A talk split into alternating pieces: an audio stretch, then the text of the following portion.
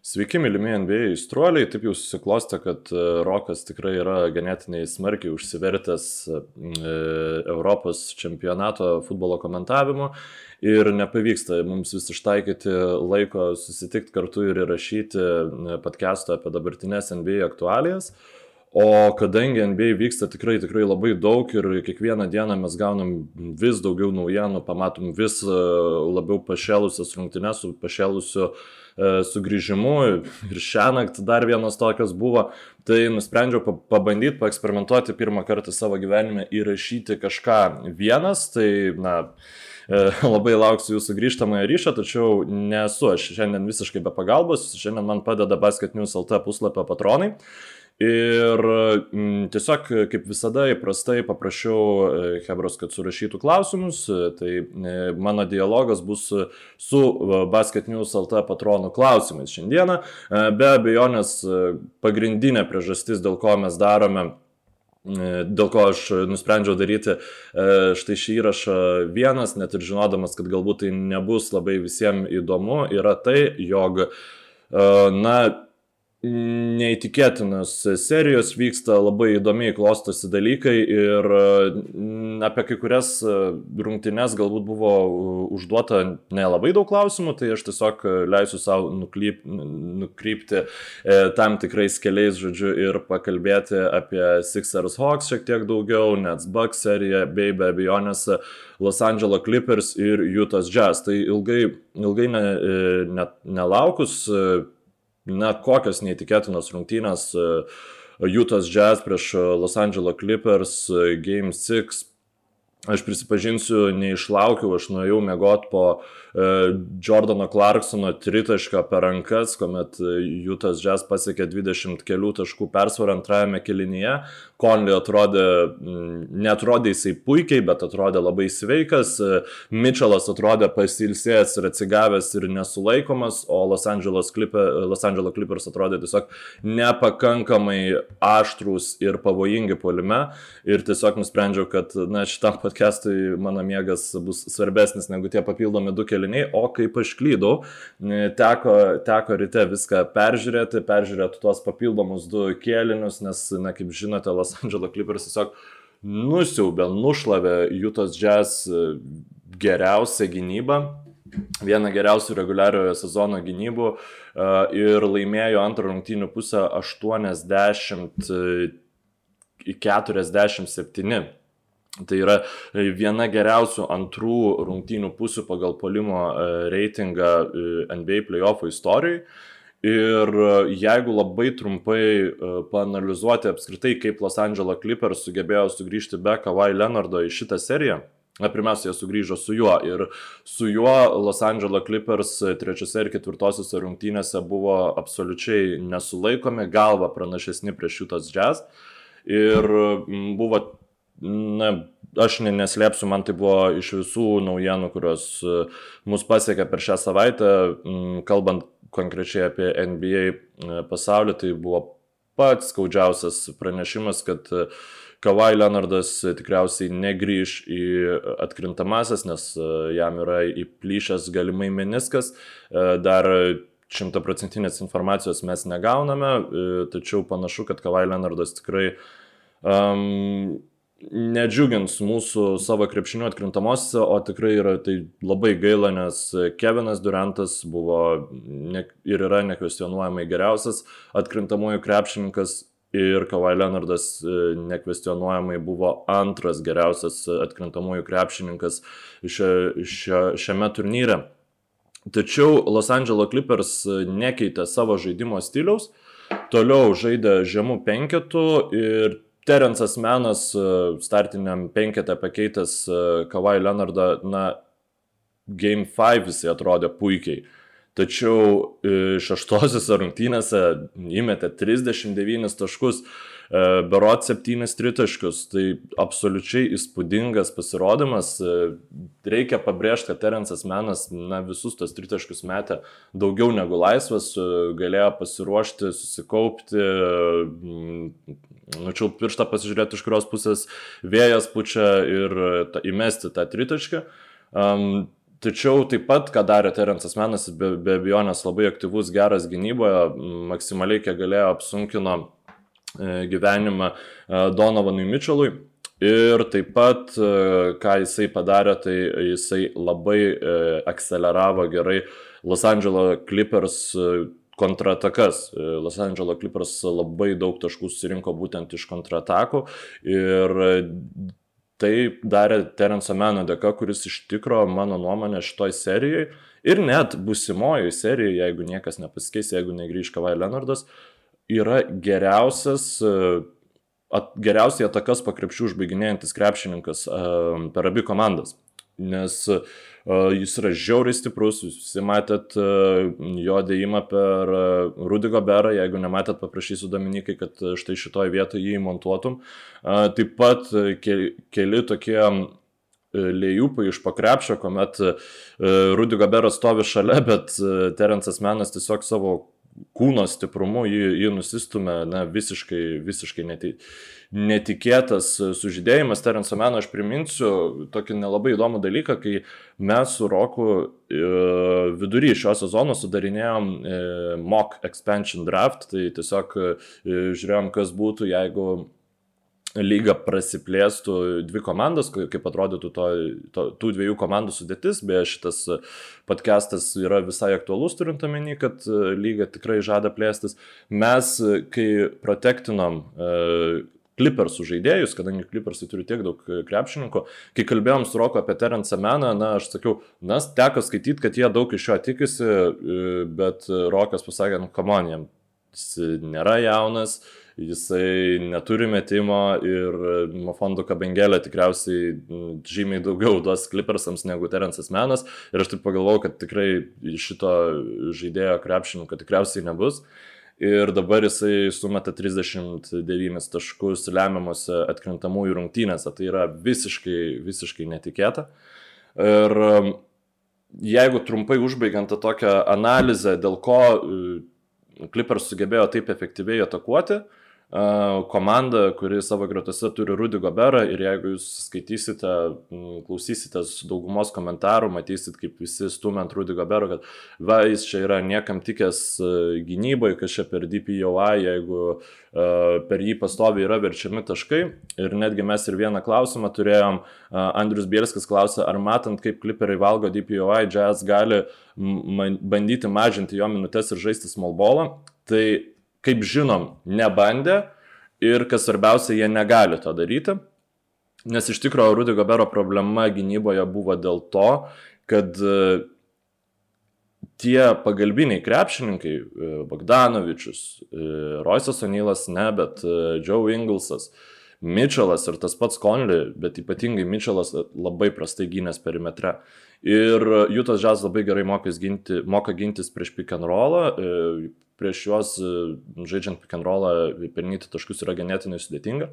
Tačiau, kuomet tu aikštėje turi penkis krepšininkus, kurie be jokių problemų pataiko iš toli ir Clippers šiose rungtynėse turėjo, vienintelis krepšininkas, kuris nepataiko iš toli yra Terence'as Menas ir jisai e, atakavo beveik be klaidų. E, Patrikas Beverly, kuris taip pat gavo daugiau minučių, irgi ketvirtajame kelnyje įmetė berots 2 tritaškus, tai buvo visiškas smūgis šlapius skudurų Jutas Jazz e, analitiniai gynybai per veidą. Ir Los Angeles Clippers nežaidė jokių 2 prieš 2, buvo rungtynių pradžioje bandoma išsikeitinėti Maiką Konlių, kuris po e, traumas grįžęs yra ir buvo tikimasi, kad tai sukurs jam papildomą stresą Bet tai, tai nepadėjo, tas, tada Clippersų polimas nelabai veikia ir tiesiog antrajame, antroje rungtynių pusėje Reggie Jacksonas vienas prieš vieną pastoviai perim, e, pereidavo, e, kas, kas įbėgintų. Donovanas Mitchellas, Maikas Conley. Tiesiog be jokio pasipriešinimo jis prisiverždavo prie krepšio ir buvo akivaizdus Snyderio nurodymas, jeigu prasiveržia prie krepšio, Rudy Goberas turi atsitraukti nuo dažniausiai Terenso meno ir padėti pasiginti po krepšiu ir tai ta taktika nepasiteisino. E, nežinau, ar buvo galima galvoti kažkokią geresnę taktiką, galbūt e, ginti zoną, nors zona irgi atiduoda labai daug metimų, tačiau iš kitų mažiau patogių situ situacijų tie metimai yra atiduodami. Ir Na, Jutas Jazz buvo absoliučiai sudeginti ir reikia dar sėkiai, mes jau su Roku davėm komplimentus šiam krepšininkui, bet Reggie Jacksonas yra absoliučiai mm, did, didžiausias netikėtumas man šiuose atkrintamosiose, netgi didesnis negu Terence'as menas, nes Terence'o meno mes nematėm, e, kaip jisai žaidžia, mes e, nematėm jo potencialo, o Reggie Jacksono, na, atrodo, kad mes jau žinom skersai išilgai ir žinom, kad tai yra tiesiog nežinau, prastesnė, gerokai prastesnė Russelo Westbrooko versija, kad tai yra e, atletiškas krepšininkas, bet jau praradė savo atletiškumą dėl traumų, kad tai yra metimo neturintis žaidėjas, na tiksliau, nestabilų metimą turintis žaidėjas, tai yra uh, skilė gynybai ir visas šitas miskoncepcijas jisai paneigia. Um, nebuvo kažkoks tai superinis perimetrė gynyboje Reggie Jacksonas šitoj serijoje, tačiau jis tikrai pagarbiai atstovėjo prieš Donovaną, Donovaną Mitchellą žymiai geriau negu tai darė, pavyzdžiui, Ražonas Rondo.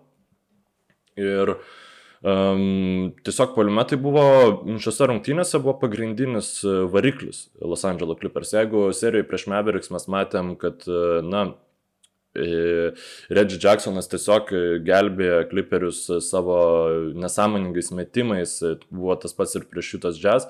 Tai dabar jis buvo variklis poliume, kuris arba pats susikurdavo gerus metimus, arba juos sukurdavo savo komandos draugam. Antroje rungtynių pusėje jis atliko visus savo 10 rezultatyvių perdavimų. Tai yra absoliučiai mm, aukščiausio lygio kalibro žaidėjo pasirodymas šiuose atkrintamosiose ir labai bus įdomu matyti sekančiai serijai jo e, oponentas bus Krisas Polas ir žiūrėt, ar jisai sugrįž iki savo e, rolinio žaidėjo talento, ar toliau viršis savo lūkesčius, e, kuriuos aš bent jau jam turėjau.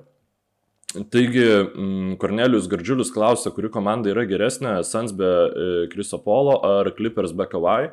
Ir kadangi, jeigu kalbant konkrečiai apie tą būsimą seriją, tai Krisas Polas turėtų grįžti tikriausiai. Ir aš kaip suprantu, jam tas COVID yra besimptomis, tai kas nežino, Krisas Polas buvo, jam buvo nustatytas teigiamas COVID-19 rezultatas. Ir Krisas Polas grįž ir Krisas Polas, manau, kad padarys Phoenix'o Suns ryškia favorite laimėti tą seriją, bet jeigu, tarkim, be jo, aš manau, kad Los Angeles Clippers e, yra atkalę labai gerą schemą, e, kaip žaisti tuo savo mažu penketu. Nikola Batumas yra absoliučiai nuostabus, e, jis yra vienas geriausiai krepšį besaugančių dabar perimetro krepšininkų, tai pavadinkim. Puikiai skaito gynybą ir taip pat žaidimo metu reguliuoja, kur kas turi atsistoti, tai mm, labai didelį indėlį įneša Nikolai Batumas į Clippersų sėkmę. Jeigu e, man pasakytumėt, kad e, Phoenix'o Suns e, žais be Kriso Polo visą seriją, aš sakyčiau, kad Clippers bus finale. Tačiau dabartinis mano spėjimas būtų, kad vis dėlto Los Angeles Clippers kris prieš Phoenix'o Suns, nes tiesiog Bridgesas, Crowderis yra žymiai stipresni gynėjai perimetre taip pat Krisas Polas, negu Jutas Jazz turimas talentas. E, Deandre Eitonas taip pat yra kur kas universalesnis polime ir gali mesti žymiai daugiau iššūkių negu e, negu Rudy Goberas Clippersų e, mažam penketui. Ir taip pat teoriškai su Darijo Šaričium vietoje Deandre Eitono Phoenix'o Suns gali bandyti atsakyti į Clippersų žemą penketą savo žemų penketų. Tai visos kortos yra Phoenix'o Suns e, rankose. Taip pat reikia pabrėžti, kad Tyronas Lūnai nematau priežasties galvot, kad jisai vėl e, tiesiog žais su tą savo 6-7 žaidėjų rotaciją iš karto. E, aš manau, kad jis visiems bandys vėl integruoti Ražoną Rondo į rotaciją, vėl bandys integruoti į visą Zubacą, nors akivaizdu yra, kad tai na, geriausi penketai geriausios rotacijos yra e, su e, tais penkiais pagrindiniais krepšininkais, plus, manau, Patrikas Beverly toliau, toliau išliks labai svarbia rotacijos dalimi, nes būtent jo to aktyvumo, gebėjimo išlysti iš už užtvarų labai reikės prieš Deviną Bukerį nes nei Reggie Jacksonas, nei Paulas Džordžas to labai gerai nedaro. Todėl Patriko Beverly rolė polime, kaip jiems seksis pataikyti laisvam tritaškus, bus beprotiškai svarbi ateinančiai serijai kuri prasidės, tarp kitko, jau sekmadienį 8 vakaro, tai labai patogus laikas mums, bet labai nepatogus laikas Los Angeles Clippers, nes, na, laik, e, kiekis poilsių yra labai labai nedidelis. E, tai, taigi, pačios tokios pertraukos, e, Andrius Bielskas, tiksliau, atsiprašau, Rapolas Streikus klausė, ar Clippers be Kavai yra pajėgi iššokti į NBA finalą. Tai sakyčiau, kaip, kad ne. Nebent Tyronas Lū neeksperimentuos su e, savo rotacijom ir pirmas, tikėt, pirmas dviejas rungtynės, per kurias Kristus Polas tikėtina negalės žaisti, nesilgs taip, kaip elgesi su Jutas Jazz ir neeksperimentuos, o tiesiog ims jauti už ragų, nes Phoenix'o Suns yra ganėtinai aiški komanda ir nemanau, kad e, kažkokį triušį iš kepurės galės ištraukti um, Tyronas Lu, akivaizdu, kad tu negalėsi daug žaisti su Luku Kenardu, nes Krisas Polas jį užatakuos negyvai pick and rollais, akivaizdu, kad tu negalėsi žaisti su Ražonu Rondu, nes nu, jis šiaip e, labai formą praradęs krepšininkas ir nepanašu, kad jis galėtų įnešti kažkokios naudos, nebent kažkokios tai uh, mentaliai finalinės dvikovos su Krisu Polu, kur, į, į ką aš nemanau, kad reiktų leistis. Ir reikia pabrėžti, kad jeigu Taironas Lū e, būtų pradėjęs e, seriją prieš šitas žesų su rotacija, kurią jis jau buvo išsiaiškinęs prieš Delas Mavericks, Tai yra Terensas Menas žaidžia daugiau minučių negu mm, Rondo ir kiti atsarginiai krepšininkai. Tai mes šitas rungtynės, šitą seriją mes būtumėm jau užbaigę po ketverių rungtynių. E, tai labai gaila, kad teko taip tokį fizinį papildomą krūvį e, patirti Los Angeles Clippers krepšininkams dėl Tyrono Lų noro nežinau, galbūt juos pailsinti. Tokia ironija gavosi šitoje vietoje. Paskutinis klausimas apie jau būsimąją seriją tarp Phoenix'o Suns ir Los Angeles Clippers. Karolis Antonaitis klausia, ar CP3 net jeigu nelaimėtų žiedo per savo karjerą yra Hall of Fame lokas. Absoliučiai nekvestionuojamai taip, žiedas yra tik tai papildomas aksesuaras ir mm, jis įgalėtų, sakykime, laimėti pasiemęs, aš nežinau, rolinio krepšininko e, vaidmenį kokioje super komandoje, ten Bruklino Nets ar panašiai, bet jis to nedaro, jis e, toliau žaidžia superinį krepšinį, būdamas, e, na, tikrai garbiam amžiuje ir net netrodo, kad jisai nustos tą daryti ir ateinantį sezoną jo forma yra superinė ir tai, ką jis šiaip padarė per savo karjerą, kaip e, reguliariai jisai žaidė nuostabų krepšinį, atmetus tas e, traumas atkrintamosiose, na tikrai netima Hall of Fame loko iš Kriso Polo, nes na, yra žymiai prastesnių krepšininkų, kurie į Hall of Fame yra papuolę, tai nebent keisis kažkokie kriterijai ir panašiai. E, šit, šito, šitame problemos aš nematau. Keliaujant prie kitos serijos, kuri šią naktį turėjo būti, manau, užbaigta pagal žaidimą kuris vyko aikštelėje, tačiau Philadelphia 76ers gauna dar papildomą e, šansą išeiti į finalą, kur mes visi juos matėme, ir rytų konferencijos finalą, kuriame mes visi juos matėme. Tačiau, kaip ir minėjau, noriu pabrėžti, kad e, Atlantos Hawks šitose rungtynėse žaidė žymiai geriau negu Philadelphia Sixers ir tiesiog neįmetė tų metimų, kuriuos įprastai pataikydavo.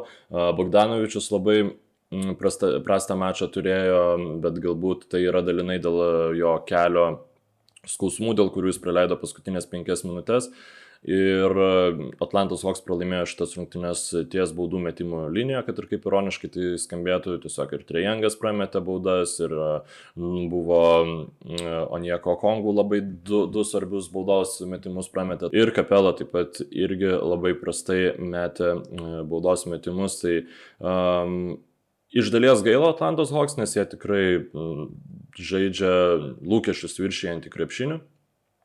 Bet uh, šitose rungtynėse visiškai patys kalti yra, nes e, Žalis Embidas nebuvo kažkoks tai superinis, e, Setas Kari e, toliau, žinoma, tęsė vieną geriausių tritaškių serijų atkrintamosiose, kurias teko matyti.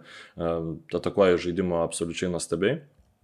Tai labai tikrai rekomenduoju Game 7 visiems įsijungti, dėja, aišku, tai vyks trečią nakties, nelabai iš sekmadienį į pirmadienį, nelabai patogių mums laikų, tačiau um, rungtynės bus labai įdomios ir nepaisant to, kad jos vyks Filadelfijoje, um, pagal tai, ką aš mačiau aikštelėje, pagal uh, Žailio Embido sveikatos būklę, kuri tikrai nėra gera, dar vienas krepšininkas, kuris, prie kurio prisikabino traumas, aš sakyčiau, kad Atlantos Hawks turėtų laimėti šitas rungtynes ir to pačiu seriją, nes tiesiog Trejangas yra puikus ir na, negali tiek daug gerų metikų turinti komanda antros rungtynės išėlės tai tiek laisvų tritiškų nepataikyti. Tiesiog labai mažai šansų, kad tai bus. O Filadelfijos problemas po poliame, na, apie jas mes apkalbėsime toliau.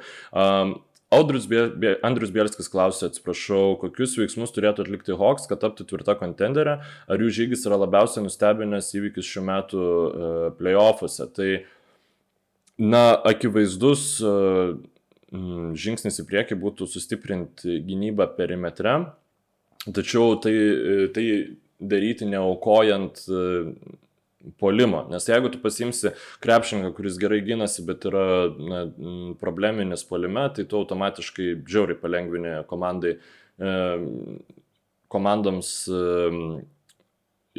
taktiką gynyboje ir visa ta, visa ta magija, kurią dabar mes matome iš Hoksų, jinai pradingtų.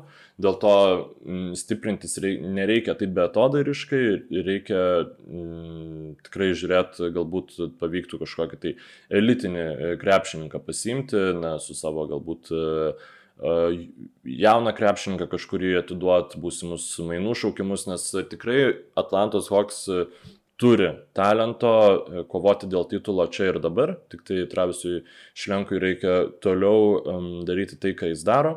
Um, ir eiti, eiti drąsiai, nes mes matom, kas būna, kai tu neini drąsiai, būna Bostono Celtics, kur taupai, taupai, taupai, taupai tos talentus ir galiausiai nepavyksta, na, tenka vėl resetinti ir bandyti visą komandą komplektuoti vos ne iš naujo aplink savo tos pagrindinius krepšininkus. Be abejonės nereikia ir eiti visiškai betodairiškai, kuomet tu tiesiog imi krepšininkus, kad imt, tai visokie veteranai ir taip toliau, būtų naujo Orleano Pelikans pavyzdys tiek su Anthony Davisu, tiek su uh, tiek su Zajonu Williamsonu, kuomet mes jau girdim, kad Zajonas Williamsonas irgi nelabai patenkintas, kaip aplinkiai komanda yra sukomplektuota, jis yra visiškai logiška, nes tiesiog yra paimti krepšininkai, kurie, na, turi kažkokį tai geresnį statusą lygai, bet visiškai netinka tam žaidimo stiliui, tai tiesiog e, maksimaliai reikia e, gerinti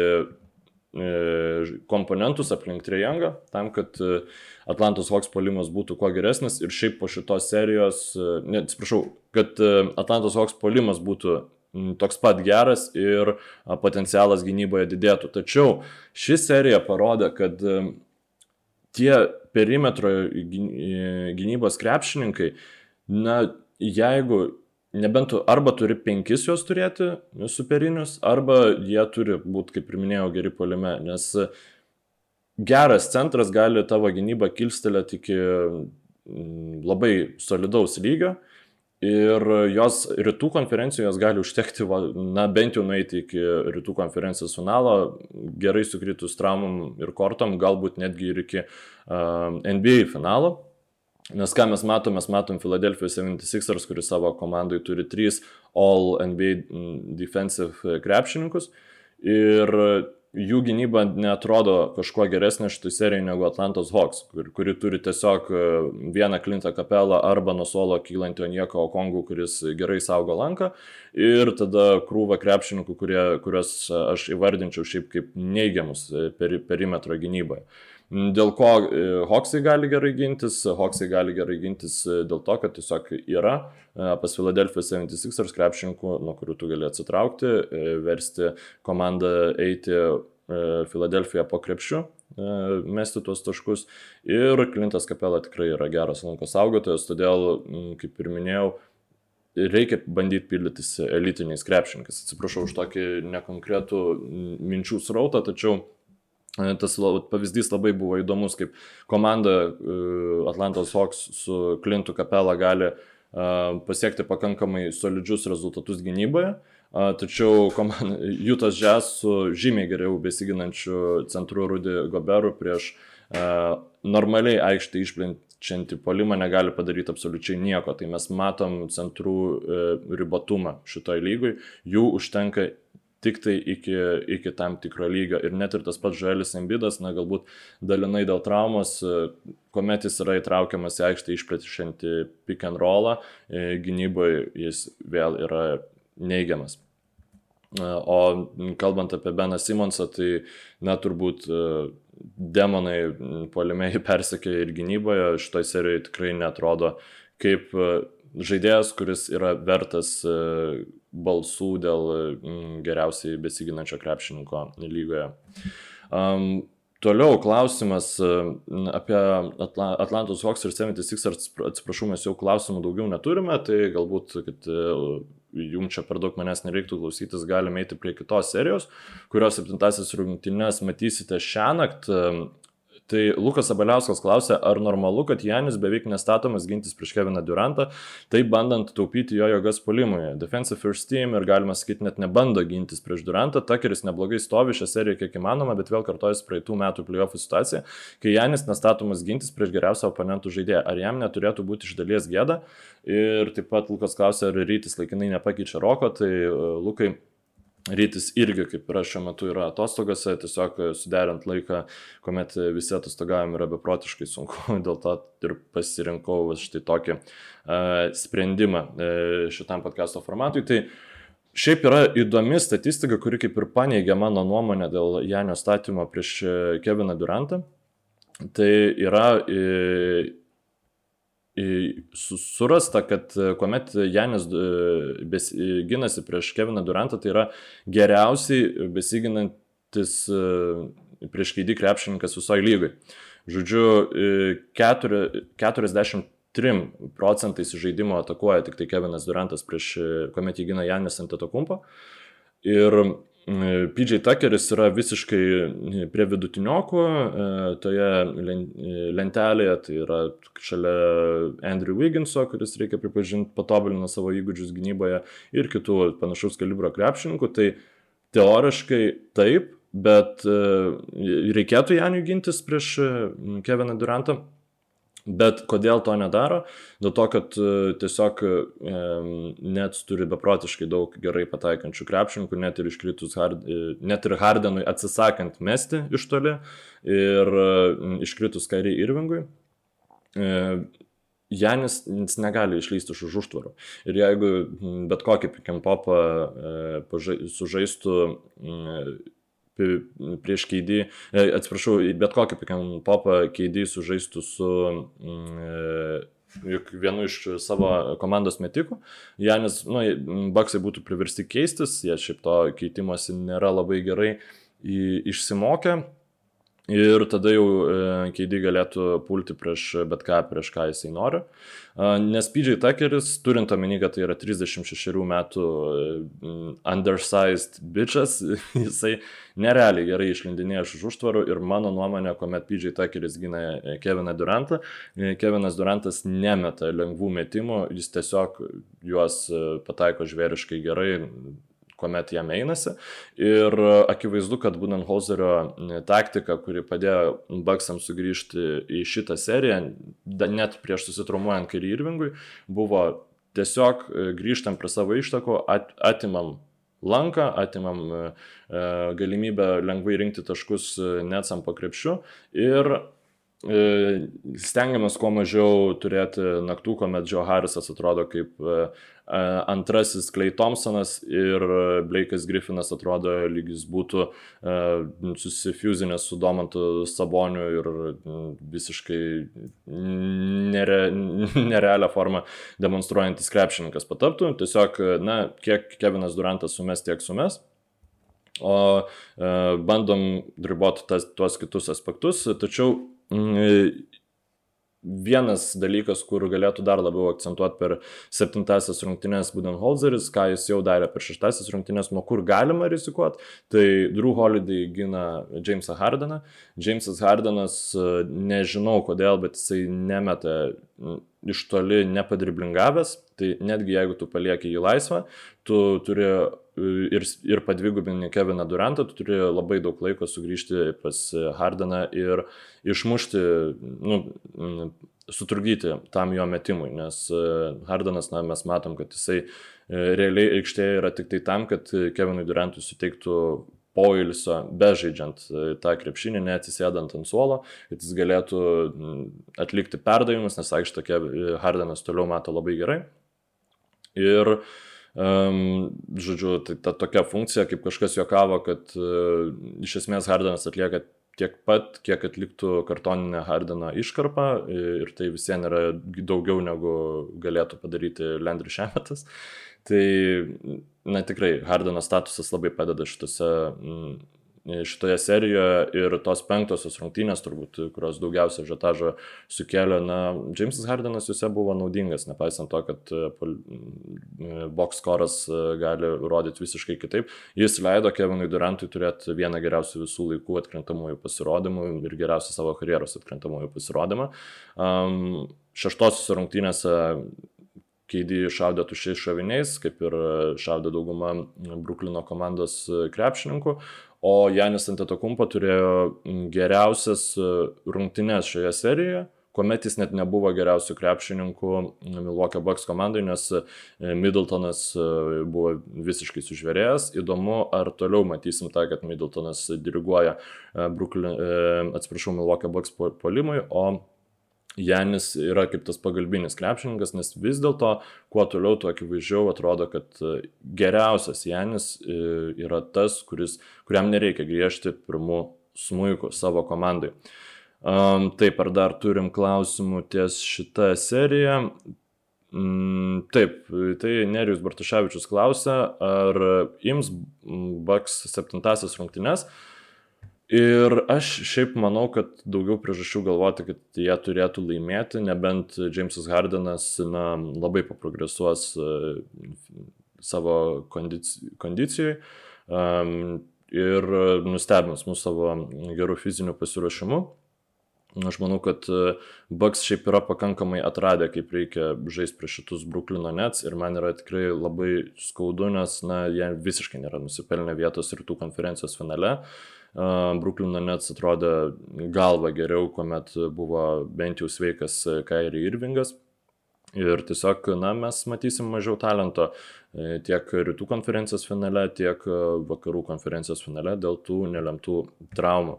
Ir čia jūsų klausimai, apie kuriuos bent kiek galėjau priskirti šiam aktyviam serijom, šiuo metu baigėsi, tačiau reikia nepraignoruoti, kad vyko labai daug visokių gandų ir mm, nu, oficialių naujienų. Šokiruojančių lygą tai e, perbėgsiu e, greitai per tuos kitus klausimus, kurių šiaip yra gana nemažai. E, tai Viktoras Vorobjovas labai paprastai klausė rekepo apie e, Celtics ir OKC mainus. Į, į detalesnės analizės galbūt mes nueisim jau, kuomet bus galima įrašyti kartu su Roku, bet e, pasakysiu labai trumpai. Mane šis ėjimas šiaip iš tikrųjų ganėtinai šokiravo. Aš maniau, kad Kemba Walkerio vertę dar buvo galima reabilituoti. Uh, dabar jis buvo m, mm, tiesiog fina, grinai finansiniais sumetimais, kad uh, atsilaisvintų pinigų algų kepurėje uh, ateinantiems sezonams uh, Bostono Celtics ir dar už tai buvo 16 pikas atiduotas, kuris šiaip yra ganėtinai aukštas, tai yra uh, atsiprašau, jeigu suklydau dėl piko būtent vietos, bet kiek gerai atsimenu, tai buvo e, mid-tens e, šaukimas. Ir žinant, e, o, o taip kaip veikia Oklahoma, mes e, pamatysim, kad e, jie Kemba Walkerį iškeičia dar už piką kokį nors ir labai patiko Reddite vienas postas, kuris sakė, na, akivaizdu, kad mes pamatysim Porzingį išmainytą į, į Kemba Walkerį ateinančio sezono metu ir šiaip tikrai nenustepčiau, jeigu taip įvyktų. Pagrindė, dėl ko man šitie mainai labai labai nepatinka, tai yra tai, jog šansai matyti Vasį Miciušių NBA toliau mažėja, nes, na, faktas, kad Oklahoma, negal, nepaisant to, koks tai talentingas yra krepšininkas, negalės jam um, garantuoti minučių E, rotacijoje, didelio minučių kiekio rotacijoje, kuomet e, tu turi ir e, SGA, ir Kemba Walkerį, nes Kemba Walkeris tikrai norės žaisti ir reabilituoti savo vertę, tikrai nebus Alo Horfordo variantas, kuomet krepšininkas bus tiesiog padedamas ant lentynos.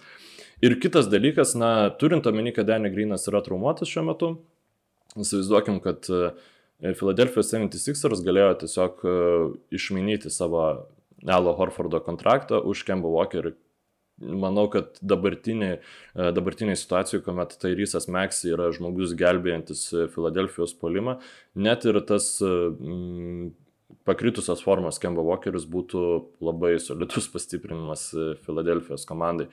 Um, Andrius Barakūnas apie pokyčius MEPS štabe klausia, kiek tai susijęs su Luka. Šiaip e, tema, prie kurio norėčiau ilgiau apsistoti, tai kaip galbūt kas ir girdėjot, kas klausė e, Basket News LT podcast'o, manau dauguma jūsų jo e, perklauso, tai Dallas Mavericks turi tokį bičią, kuris yra visiškai užkėtėjęs analitikas, šiaip jis yra pagrindę lošėjas ir investuotojas į kriptovaliutas, jo vardas pavardė yra Harlabos Vulgaris. Ir jisai yra, kaip ir e, Jonas minėjo, nu, tokia kaip ir dešinioji Marko Kubano e, ranka. Galimai labai dėl jo įtakos Setas Kari buvo iškeistas į Jasoną e, Richardsoną. Ir atlikti tam tikri kiti ėjimai tarp sezonių. Ir tiesiog Lukai labai na, Lukai nepatiko jo rolė ir jo galios didėjimas, tiksliau vis dar nepatinka Dallas Mavericks organizacijai, bent jau gandai yra tokie vienų rungtynių metu jisai, e, nežinau dėl kokio sprendimo, bet Rikui Karlailui sušaukė tiesiog, kas yra atsakingas tu ar Bobas.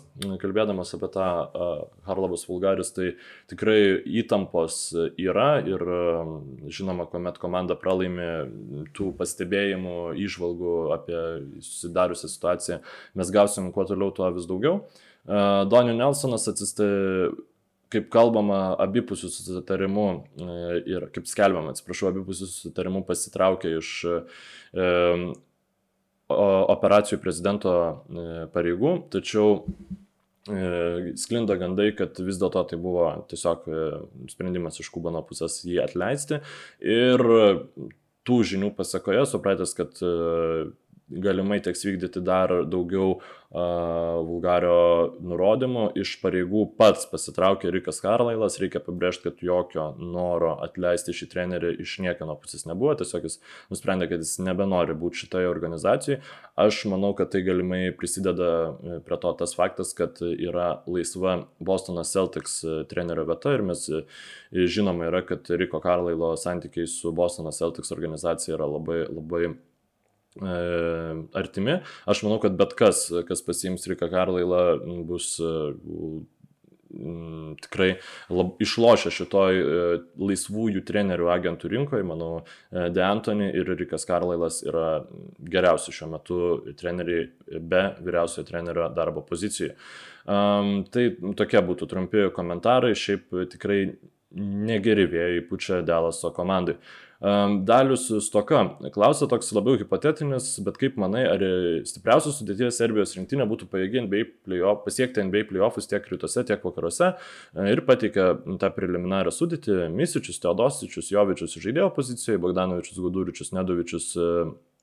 SG pozicijoje, lengvai, lengvai kraštai Lustičius ir Kaliničius, sunkusis kraštas Bielica, na, vieninteliai rašė, ir centrai Jokičius, Milutinovas ir Marjanovičius. Uh, Šiaip, na, aš manau, kad e, ryt, ryt, rytuose tai easy, na, tu turi MVP e, ir tu turi žaidėjus, kurie mm, aplinkui jį, kurie pataiko ir Misičius, na, čia teko su Jonu Lekšu kalbėti, kad šiaip jo pirminis indėlis NBA lygoje galėtų būti panašus, kurį Luka Dončičius darė bent jau savo pirmo sezono metu, tai tikrai, nes Europoje jis dominuoja mm, labai panašių lygų. Jo galutinis potencialas tikrai nėra toks, koks yra Luka Dončičiaus, tačiau Luka Dončičius jau pirmą sezoną buvo absoliutus žvėris. Um, ir aš manau, kad Vasė Micičius tikrai būtų pagrindinis žaidėjas ganėtinai dideliai, galėtų būti pagrindinių žaidėjų, ganėtinai, ganėtinai dideliai porcijai NBA komandų. Klausimas, kaip visada, su Europos klubais, atsiprašau, su Europos rinktinėmis ir europiečiais krepšininkais, ar, ar, ar būtų pakankamai krepšininkų galinčių gintis prieš jau tuos super žvaigždės, didžiuosius Kawhi Leonardą, KD, tą patį Janį Antitukumpą reguliariajame sezone, bet kiek teko stebėti, žinau, kad kad Kaliničius yra fiziškai pakankamai gerai sudėtas ir reguliariajam sezonui tikrai to užtektų. Dėl vakarų negaliu būti šimtų procentų tikras, bet rytuose aš esu įstikinęs, kad šita e, komanda pasiektų e, atkrintamasias. E, Robertas Klimko klausia, ką manai apie Lebrono pasisakymus apie tai, kad šioje playoffų stadijoje traumas gaunančių e, žaidėjų, dėl, dėl traumas gaunančių žaidėjų kalta pati lyga, kaip spręstum šią problemą. Aidas papildo šitą klausimą. Mykolai Lebronas prieš porą dienų sprogo Twitter'e sakydamas, kad bandė mus įspėti dėl šio sezono žvaigždžių traumų. Kaip man, tuomet dabar net 9 star žaidėjai buvo traumuoti šiuose playoffuose, kas yra NBA rekordas, o kur dar tokie kaip Embidas, Lebronas žaidžiantis, bet akivaizdžiai nepilna jėga ar tikrai reikėjo e, taip pušinti, sužaisti nuo kalėdų ir 72 grajus. Kaip matome, kas, kaip matome, kas dabar vyksta. E, realiai šiemet titulą laimės veikiausia, o ne geriausia komanda. Ačiū. Ir mm, Pavilas Žukauskas klausė, ar yra kur kokia statistika jau patikta dėl tokio intensyvaus sezono ir traumų, ar čia tiesiog sutirštinamos spalvos. Tai aš tikrai nemanau, kad bendrai atsakant iš tus klausimus, kad spalvos yra sutirštinamos. Akivaizdu aplamai, kad uh, sezo, reguliaraus sezono tankumas, rungtynių ir ilgumas kenkia galutiniai kokybei, kuomet tu turi mm, 30 e, komandų, kurios gali žaisti viena prieš kitą, daryti šitiek daug rungtynių, man atrodo absoliučiai nelogiška. Ritmas žaidėjams yra labai svarbus, ypač turint omeny šio sezono kontekstą. Tikrai reikėjo arba palaukti pradėti sezoną, arba daryti kur kas mažiau rungtynių. Aišku, mes visiems matėm labai daug tausojimų ir panašiai, tačiau e, tai e, traumų išvengti nepadėjo. Aš jau seniai sakiau, kad e, rungtynių kiekis vienai komandai turi būti trumpinamas e, reguliariajame sezone, nes tai e, mažina galutinį krepšinio produktą. Nemanau, kad, nežinau, koks kiekis turėtų traumų įvykti, kad tai realiai įvyktų, bet mano nuomonė, rungtynių mažinimas reguliariajame sezone turėtų būti pagrindinis dalykas, dėl ko kaip čia pasakyti, bilinėtųsi e, žaidėjų sąjunga naujajame CBA, e, kai bus deramasi dėl naujo CBA susitarimo. Nes tikrai dabartinė situacija yra neadekvati. E, na, sakysit, o kaip anksčiau Hebra žaisdavo? Na, anksčiau Hebra taip ir žaisdavo, kad baigdavo, dauguma baigdavo karjeras 30 e, metų, na, nedauguma, atsiprašau, bet tikrai labai daug krepšininkų, kurie dėl traumų nesugebėdavo sužaisti savo tų vėlyvojo žydėjimo metų kurių mes dabar matome pakankamai nemažai iš krepšininkų. Ir reikia dar pabrėžti, kad dabartinis krepšinis tiesiog yra žymiai daugiau bėgama. Yra daugiau atakų, tas fizinis krūvis yra didesnis, nes tikrai e, žaisti 82 e, rungtynės, kuomet tu 20 sekundžių atakai tiesiog ten stovės, stovi grumiesi gal po krepšių, bet e, tas žaidimas yra pakankamai lėtas, yra kur kas mažiau varginantis negu tie sezonai, kuomet dabar vykstantis, kuomet turi tiesiog pastoviai pirmin atgal lakstyti, na tas fizinis krūvis tikrai yra labai didelis.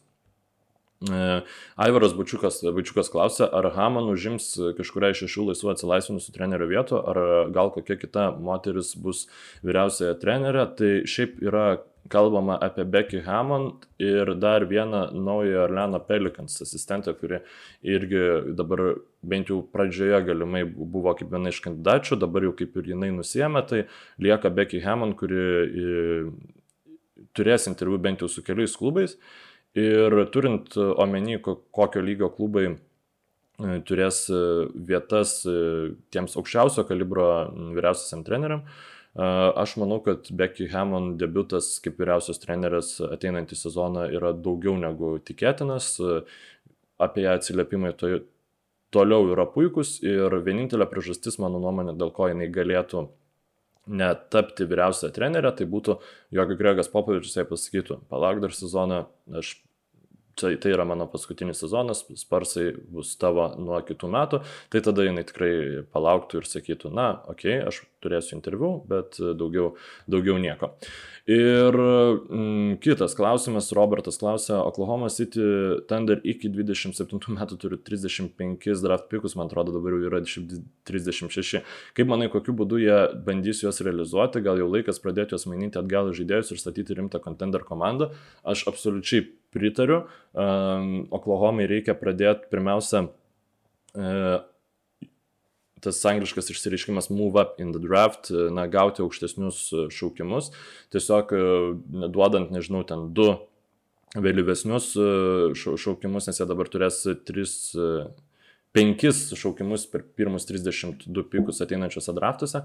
Um, tiesiog rast komandą, kuriai reikia daugiau rotacijos krepšininkų ir gauti tą geresnį talentą, nes tu elementariai neturėsi kaip leisti atsiskleisti tiem savo pikam pašauktiem. Tai tie draftai, draft pikai yra labai gerai, ypač turint omeny, kad jie atsiranda visiškai iš niekur, Oklahomos komandoje nėra taip, kad jie atiduoda kažką realaus ir kažką jiems galimai naudingo bet e, e, reikia jau pradėti materializuoti arba tiesiog, nu, blogiausiu atveju tai gerai nesigauna dabar kažko sudylinti, iškyti dabartinį piką į būsimą piką, nes, e, na, vis ta, tas geras dylas kažkada gali atsirasti. Tai Presti laukia to gero dylo, kuris gali pakeisti franšizę, arba laukia komandų, kurios norėtų gauti daugiau loterį pikų vietoje savo turimos ten iš 8-7 ar panašiai piko. Bet nemanau, kad bus lengva šiaip ją materializuoti, nes kaip matom, vien tai, kad tu turi pikus yra labai gera pradžia, bet tai toli gražu nėra garantuota sėkmės formulė. E, Povilas Žukauskas klausė, ar pagal matomas tendencijas NBA vėl formuojasi duetai, o ne trijo, ar čia tik šiam sezone, o kitame vėl pamatysim kelis trijo e, stipriai besivaržančius dėl titulo. Tai e, Na, man atrodo, kad e, tokios bendros tendencijos kaip ir nėra. Tiesiog kaip sukrenta aplinkybės, taip jos sukrenta. Arba tu turi galimybę pasikviesti, labai atsiprašau, e, Durantą, Hardeną ir Kairį Irvingą į komandą, arba tau ji nenukrenta iš dangaus. Los Angeles Lakers labai norėjo turėti savo Big Free, tiesiog Kawhi Leonardas e, labiau norėjo savo franšizės. Ir uh, aš manau, kad toliau komandos bandys akumuliuoti kuo daugiau uh, super talentų, nes kaip matom ir iš Bruklino Nets um, pavyzdžio, tuos papildomus krepšininkus surinkti tikrai yra įmanoma ir solidaus krepšininkų, solidaus lygio krepšininkų NBA lygoje yra pakankamai daug, kuriuos tu gali pasimti jau turėdamas tas superžvaigždės su ganėtinai didelė nuolaida.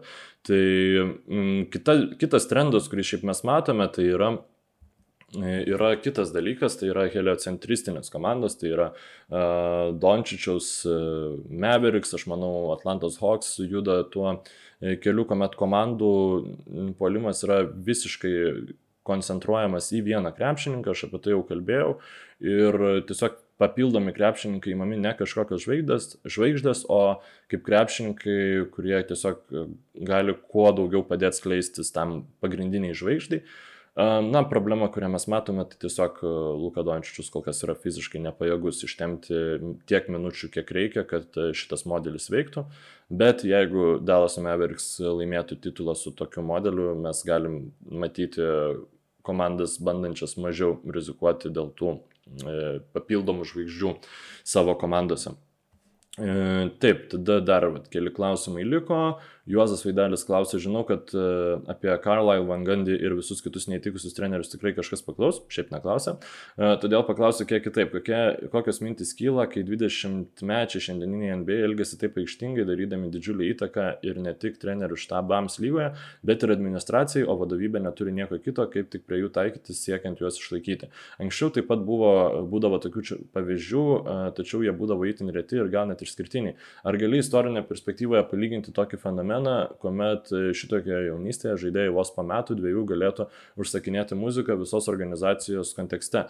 Taip, tai tų pavyzdžių yra gerokai mažiau, nes tiesiog e, anksčiau gal būdavo ta labiau mm, stigma įsigaliojus, kad aš, aš turiu būti dėkingas komandai, kad jinai mane pakvietė, kad jinai man suteikė e, teisę plėstis, e, būti talentingam ir, e, nu, atsiprašau, netalentingam, bet gerai vertinamam lygoje ir ją man davė mano pirmąjį kontraktą, mano antrąjį kontraktą ir taip toliau.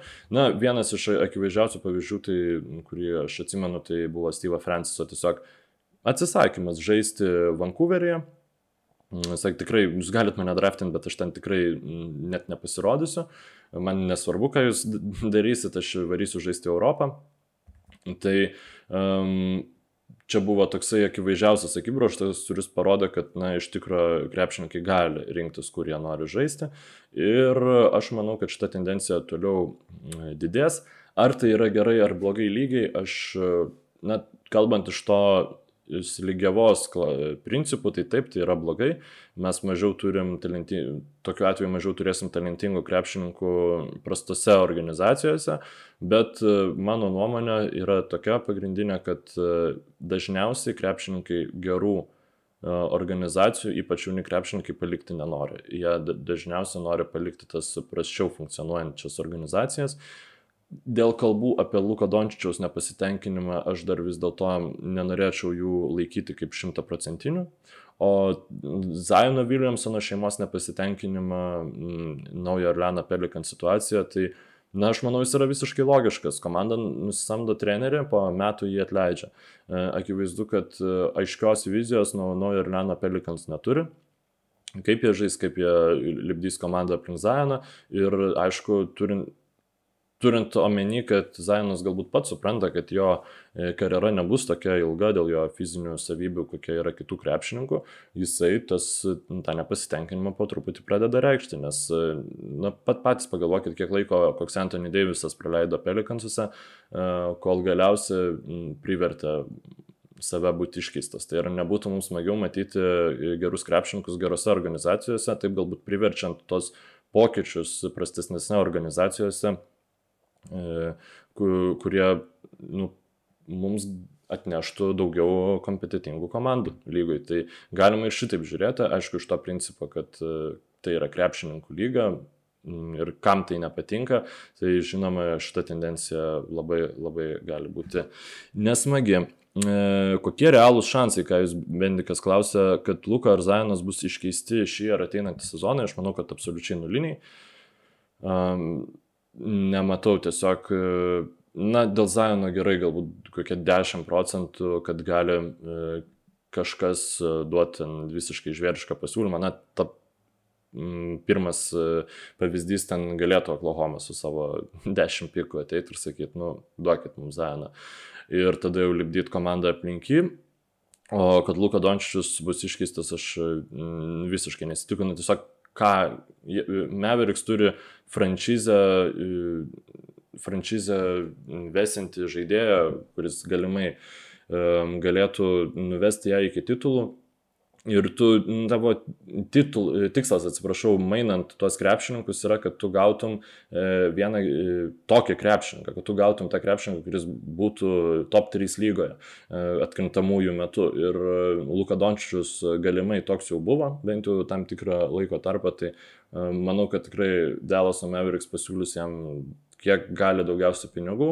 Manau tikrai, kad Luka Dončičius tos pinigus paims, netgi buvo pasirodęs toks gan patikimas gandas, kad jisai e, nepaisant visko tikrai pasirašys tą kontraktą. Ir na, dabar pagrindinis Mavericks tikslas turi būti kaip Luka. Parodyti Lukai Jokičiaus pavyzdį, kaip žaidėjas gali atrodyti, kuomet sutvarko savo fizinę kondiciją ir um, tą pasiekti kartu su Luka Dončičiu. Rytis Jankūnas klausia, ar Lakers bus kovoje dėl titulo kitais metais, žiūrint į ilgų kepurės situaciją ir žaidėjų sudėti, kokie šansai sprogdinti Lakersų sudėti. Mm, ar sprogdin, jeigu apie sprogdinimą tu turėjai menyje, kad bus iškeistas Anthony Davisas arba Lebronas Džeimsas, aš manau, kad šansų jokių. Jeigu apie sprogdinimą tu turėjai menyje, kad komandai nebebus Deniso Šriuderio arba Kuzmos, Heralo ir taip toliau, tai šansai ganėtinai nemaži. Aš tiesiog esu absoliučiai įstikinęs, kad Robas Palinka neturi kompetencijos sulibdyti uh, akivaizdžiam titulo favoritui. Uh, jis tiesiog gali uh, paimti krepšininkų ir tikėtis, kad Luka Dončičius ir Anthony Davis, atsiprašau, Lebronas Džeimsas ir Anthony Davisas bus uh, geros fizinės formos atkrintamosiose ir šių dviejų krepšininkų talento realiai užtenka įveikti daugumą komandų. Tai favoritais vienareikšmiškais jų nelaikyčiau, nes bus Bruklino Nets ir Bruklino Nets parodė žymiai didesnę kompetenciją būtent komandos komplektavimo e, e, srityje. E, dėl to pagrindiniais favoritais ateinantį sezoną jau iš karto galima dėti Bruklinui e, šitą etiketą. Rokas Sulys klausė, jeigu Jazz, Hawks ir Bucks išeitų į konferencijų finalus, ar tai būtų vieniniai įdomiausių finalų istorijų, jokių naratyvų, istorijų, prieš priešų ir kito visi laimėjo, laimėtų, nes kitiem varžovam prašiau sekėsi, Nugget Bamariai, LA ir net su traumom, Clippers su Kavai trauma, e, kažkaip intrigos baisos nebus, kai niekas net nežino dar kaip e, laimėti. Na, dėl intrigos nebuvimo tai nesutikčiau, e, net jeigu būtų ir džiazai išėję į vakarų konferencijos finalą, aš manau, kad tos intrigos būtų visai pakankamai. Bet dėl talento stygiaus konferencijų finale ir jau visam tam NBA finale, aš tikrai pritarčiau, man yra labai didelis skaudulys ir nusivylimas, kad būtent um, taip sukrito tos traumos ir mes esame apiplėšti nuo net tikrai žymiai labiau intriguojančių matchupų NBA finale, kurių net tikriausiai nebus.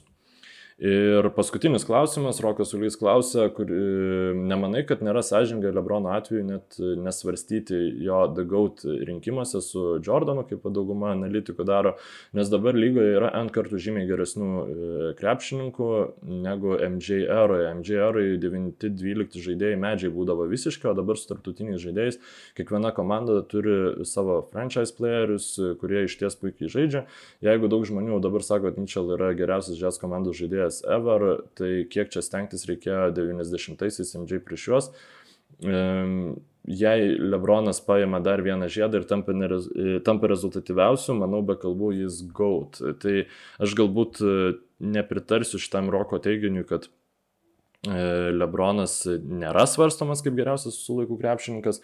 E, ir mm, kam pritarsiu, tai tam, kad tikrai dabar yra daugiau talentų lygai negu buvo 90-aisiais, mm, ypač ankstyvais 90-aisiais, čia, mm, tiksliau, atsiprašau, vėlyvais 90-aisiais, čia yra e, visiškai neginčtina ir E, tik tai nu, toks yra esminis dalykas, aš nematau absoliučiai jokių priežasčių, dėl ko galbūt dėl savo metimo neturėjimo, bet aš jau manau, kad dabartiniam kontekste Jordanas būtų tikrai išplėtęs e, savo metimą ir na, prie tritašką bent jau būtų ginamas, nes nu, baudas jis mesdavo gerai. E, kodėl Jordanas nebūtų dominavęs ir štai šitam dešimtmetį, e, tiksliau tam, tame dešimtmetyje, kuriame dominavo Lebronas arba, arba šitame dešimtmetyje.